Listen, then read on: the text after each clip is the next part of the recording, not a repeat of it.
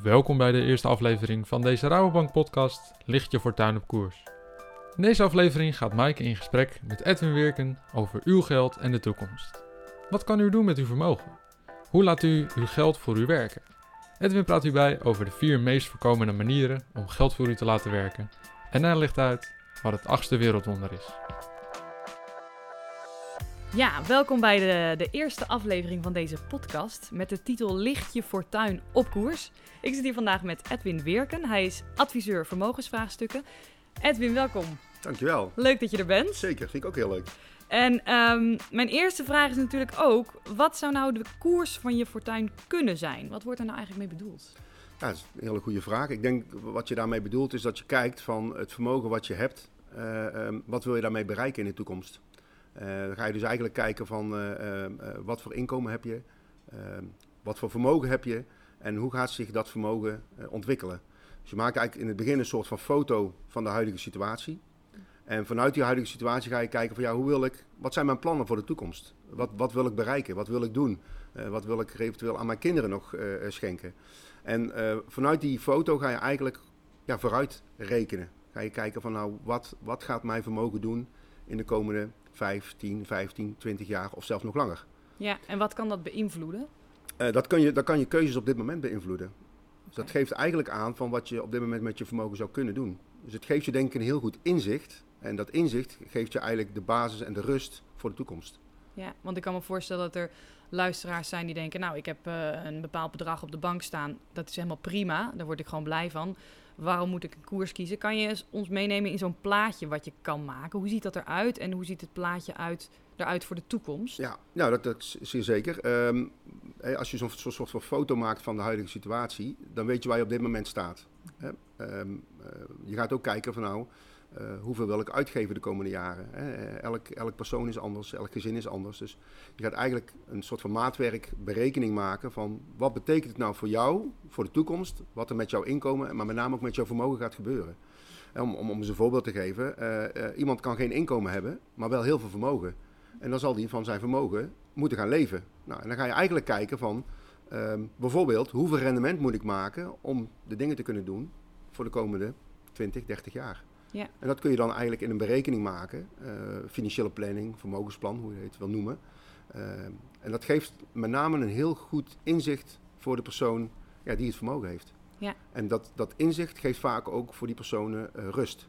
Hè, een soort van financiële rust. En dat is natuurlijk gewoon heel fijn dat als je ja, gewoon aan het leven bent, dat je toch wel het idee hebt van, nou ja, het, het komt wel goed. Financieel zit het allemaal heel erg goed. Ja, en zo'n uh, zo'n zo'n plaatje waar je het over hebt, wat, wat voor gebeurtenissen moet je meenemen in dat plaatje om te bedenken van oké, okay, wat heb ik nodig op latere leeftijd? Ja, ja dat, dat, dat kunnen heel verschillende, uh, noem het maar, uh, events zijn. Ja. Dat kan zijn dat iemand eerder wil stoppen met werken.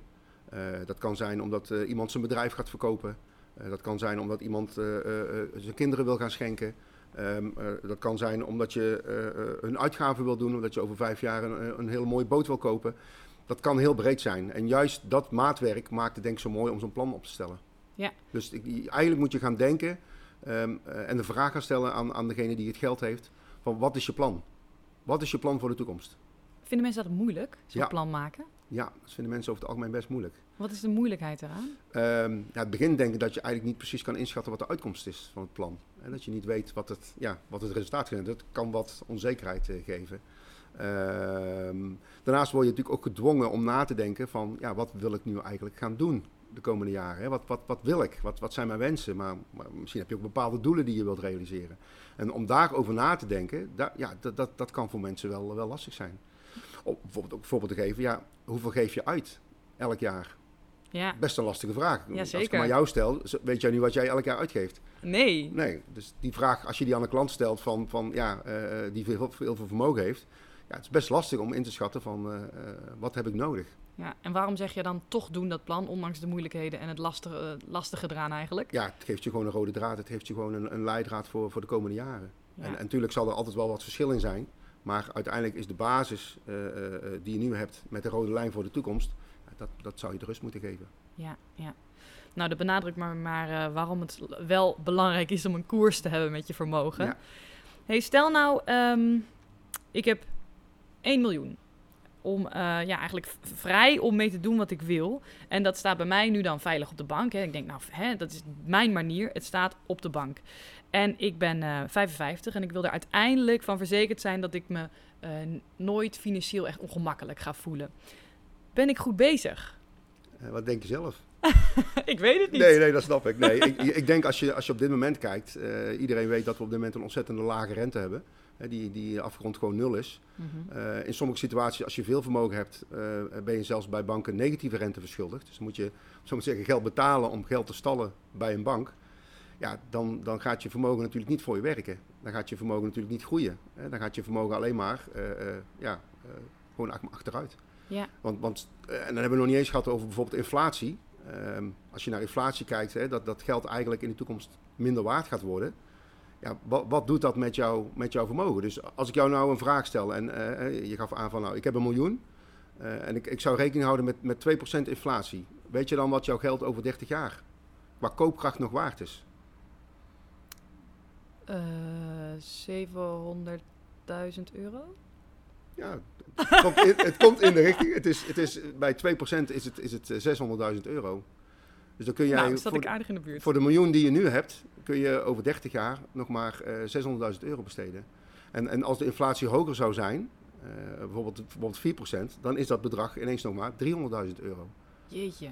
Dus je ziet dat eh, inflatie, of, of in, in combinatie met eventueel negatieve rente, heel veel impact heeft op, op het verloop van je vermogen. Ja. Hey, en nog even terug naar die negatieve rente. Met die 1 miljoen. ehm, wat is er dan nog waard van die 1 miljoen na 20 jaar met negatieve rente Ja. rekening houdend? Ehm, als je nu kijkt, dan hebben de meeste banken in Nederland eh, rekenen boven de 500.000 euro een negatieve rente van 0,5% Dus als je 1 miljoen bij één bank hebt staan, betekent dat dat je over 500.000 euro negatieve rente betaalt. Oftewel 2500 euro per jaar. Ja, tel dat uit over 20 jaar, ja, dan gaat het best hard. Ja, heel hard. Dus eigenlijk kunnen we concluderen: geld op de bank laten staan is geen goed idee. Over het algemeen niet, maar er, er zijn zeker mogelijkheden om dat eh, te bekijken, om dat op een andere manier te doen. Dat je gewoon rendement gaat maken. En, eh, en dan kom je denk ik richting eh, ja, toch wel het achtste wereldwonder wat Einstein genoemd heeft. Ja, vertel. Rendement, rendement op rendement. Ja, ik was heel benieuwd. Wat is dat? Wat is dat? Nou, misschien goed om dat aan de hand van een rekenvoorbeeld te doen. Ehm, eh, we hebben het net gehad over die 1 miljoen. Als je 1 miljoen nu hebt en je gaat ehm, eh, 30 jaar lang rendement maken, ja, kan, heb ik zeg maar uitgerekend wat het verschil is eh, als je bij, met bepaalde rendementen gaat rekenen. Oké. Dus stel nu eh 1 miljoen, 30 jaar lang, 2% rendement. Wat denk jij dan dat dat bedrag over 30 jaar is? Oh, dan moet ik weer gaan rekenen. Eh 60% is dat. Dus dat is, nou, anderhalf miljoen. Ja, Onge- dikke anderhalf Ja, ja 1,8 miljoen is het. Dus dan zie je dat, je dat je rendement op rendement gaat maken. En stel dat we nu datzelfde voorbeeld doen. En we rekenen met 1 miljoen voor 30 jaar, maar we rekenen met 6%. Moet ik weer rekenen? Moet je weer rekenen. Edwin, ik zal het help. zeggen, ik zal het je helpen. Eh, dan ga je naar 5,7 miljoen. Jeetje. Dus je ziet dat er een ontzettend groot verschil is. eh, als je met een wat hoger rendement rekent, dan ga je rendement op rendement behalen, waardoor je vermogen eigenlijk versneld gaat groeien. Ja. En eh, ik ga niet zeggen dat iemand 6% rendement moet nastreven, want dat zal dat plaatje, zeg maar, dat, dat plan moeten uitwijzen van wat voor rendement iemand moet maken. Maar wat ik hiermee wil laten zien is dat het verschil in rendement best wel invloed heeft op het uiteindelijke verloop van je vermogen in de komende jaren. Ja. En dat, dat is maatwerk. Dat moet je per klant eh, gaan bekijken van nou, hoe is die situatie van die specifieke klant? En dan ga je voor die specifieke klant het rekensommetje maken. Ja, maar dan moet je dus wel een flinke horizon hebben. Dan moet je een horizon hebben. En die horizon is voor iedereen verschillend. Hè? Ik bedoel, we hebben het nu over 30 jaar. Maar er zijn ook mensen die hebben een horizon die misschien zelf wat langer is. Maar ook mensen die, die, waar die horizon ook wat korter is. Ja. Dus, hè, dus je gaat het rekensommetje maken specifiek voor die klant. En het heet dus het achtste wereldwonder, omdat het zo'n bijzonder fenomeen is. Klopt.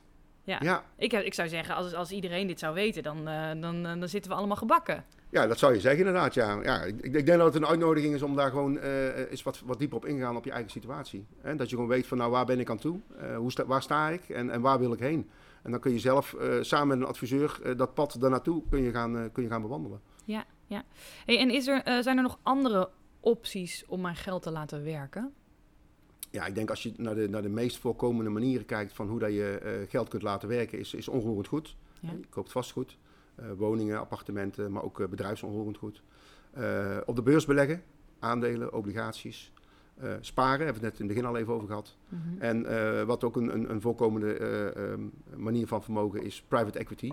Dus dan ga je eigenlijk beleggen in een, een rechtstreeks in een, in een bedrijf. En dat En- zijn de, meest, de vier meest voorkomende manieren om, eh, eh, ja, om vermogen op te bouwen. Ja, en dan hebben we het al even gehad over eh, dat sparen, dat dat niet echt een goede optie is. We hebben het nu net even gehad over beleggen en dat daar dus het achtste wereldwonder bij kan komen kijken en dat dat best wel een eh, voordelige situatie op kan leveren. Wat is nou het voordeel van beleggen in vastgoed in tegenstelling tot beleggen in aandelen? Ehm, ja, voor heel veel mensen is dat het gevoel. Hè? Dus dat, je, dat- dat, voelt prettig, dat is bekend, dat is, dat is fijn om in te beleggen. Eh, het, heeft voordelen omdat het ook gewoon rendement maakt. Hè? Je krijgt jaarlijks een, een, een huurstroom als het goed is, hè? als het pand of het huis of appartement verhuurd is. Ehm, eh, wellicht gaat de waarde ook stijgen van het, eh, hetgeen waar je in belegt. Dus dat zijn de voordelen. En, en de nadelen zijn is dat je, eh, ehm, ja, dat je geen huurder hebt. Dus dat, dat, dat je geen inkomsten hebt. eh, of dat je een wanbetaler hebt. Of dat je misschien iemand hebt die eh, verkeerde plantjes eh, in, in, in het huis aan het kweken is. Ehm, ja, en wat een ander nadeel is, is dat de koers ook zou kunnen zakken natuurlijk. Ja. En het zit vast ook. Het zit vast, dus het is niet flexibel. Het is niet dat je morgen kan zeggen van nou, ik heb dat geld wat daarin zit, kan ik morgen liquide maken. Dus dat is voor heel veel mensen wel een, een groot nadeel. Dat merken wij ook in de dagelijkse praktijk. Flexibiliteit vinden klanten heel prettig. Ze vinden het fijn om, om snel en makkelijk aan hun geld te komen. En dat spreekt in het nadeel van onroerend goed. Ja, ja. Hey, we, hadden het, we hebben het eigenlijk nu over drie van de vier opties gehad op het eh, gebied van je geld voor je laten werken. De laatste ben ik even kwijt hoe dat nou heet. Eh, private equity, Private ja, dat- equity. Daar dat- gaan we het later nog over hebben in een andere aflevering. hartstikke goed. Ja, en ehm, dan is eigenlijk nog mijn... We gaan een beetje naar het einde toe, maar mijn vraag is nog wel... ehm, hoe vaak moet ik eh, bekijken of mijn geld nog op koers ligt? Is dat iets wat ik regelmatig in de gaten moet houden? Of kan ik dat plan maken en het vervolgens loslaten? Nee, dat, dat, dat zie ik zo niet. Eh, je, maakt het plan en je gaat dat één keer in de twee, drie jaar ga je dat updaten. Hè? Je gaat dat van jaar tot jaar wel volgen. En dan kun je één keer in de, laten we zeggen drie jaar, kun je dat plan nog eens een keer helemaal opnieuw opstellen. Om te kijken van nou, waar sta je?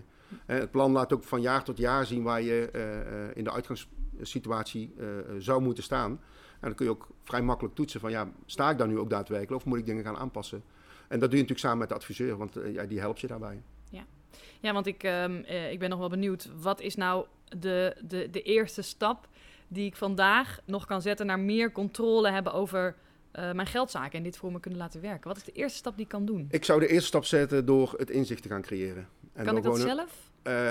Dat, ja, er zijn zeker eh, mensen die dat zelf kunnen, maar in zijn algemeenheid eh, eh, roep je daar de hulp in van een adviseur die op dat gebied specialist is. En dan ga, je, dan ga je een plan maken, dan ga je een financiële planning of een vermogensplan ga je, ga je laten opstellen. En dat is voor mij de basis. En vanuit daar ga je doorpakken om te kijken van em, ja, waarin ga ik beleggen. Sparen, beleggen op de beurs, hoor het goed of eventueel private equity. Super. Hey, bedankt voor, voor al deze inzichten. En wij spreken jou in een andere aflevering weer. Hartstikke leuk.